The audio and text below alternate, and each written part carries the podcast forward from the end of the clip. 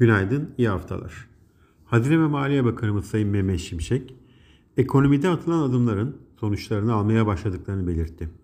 Çin'de tüketici fiyat endeksi Kasım ayında bir önceki yılın aynı ayına göre %0.5 gerileyerek %0.2 düzeyindeki beklentinin üzerinde düşüş kaydetti. Arjantin'in lideri Javier Milei'nin ekonomik önlem paketini açıklaması bekleniyor. Bugün yurt içinde ödemeler dengesi, sanayi üretimi ve işsizlik oranı açıklanacak. Yurt dışında önemli bir veri akışı bulunmuyor.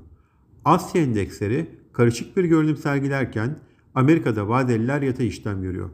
Borsa İstanbul'da hafif alıcılı bir başlangıç öngörüyoruz. İyi günler, bereketli kazançlar.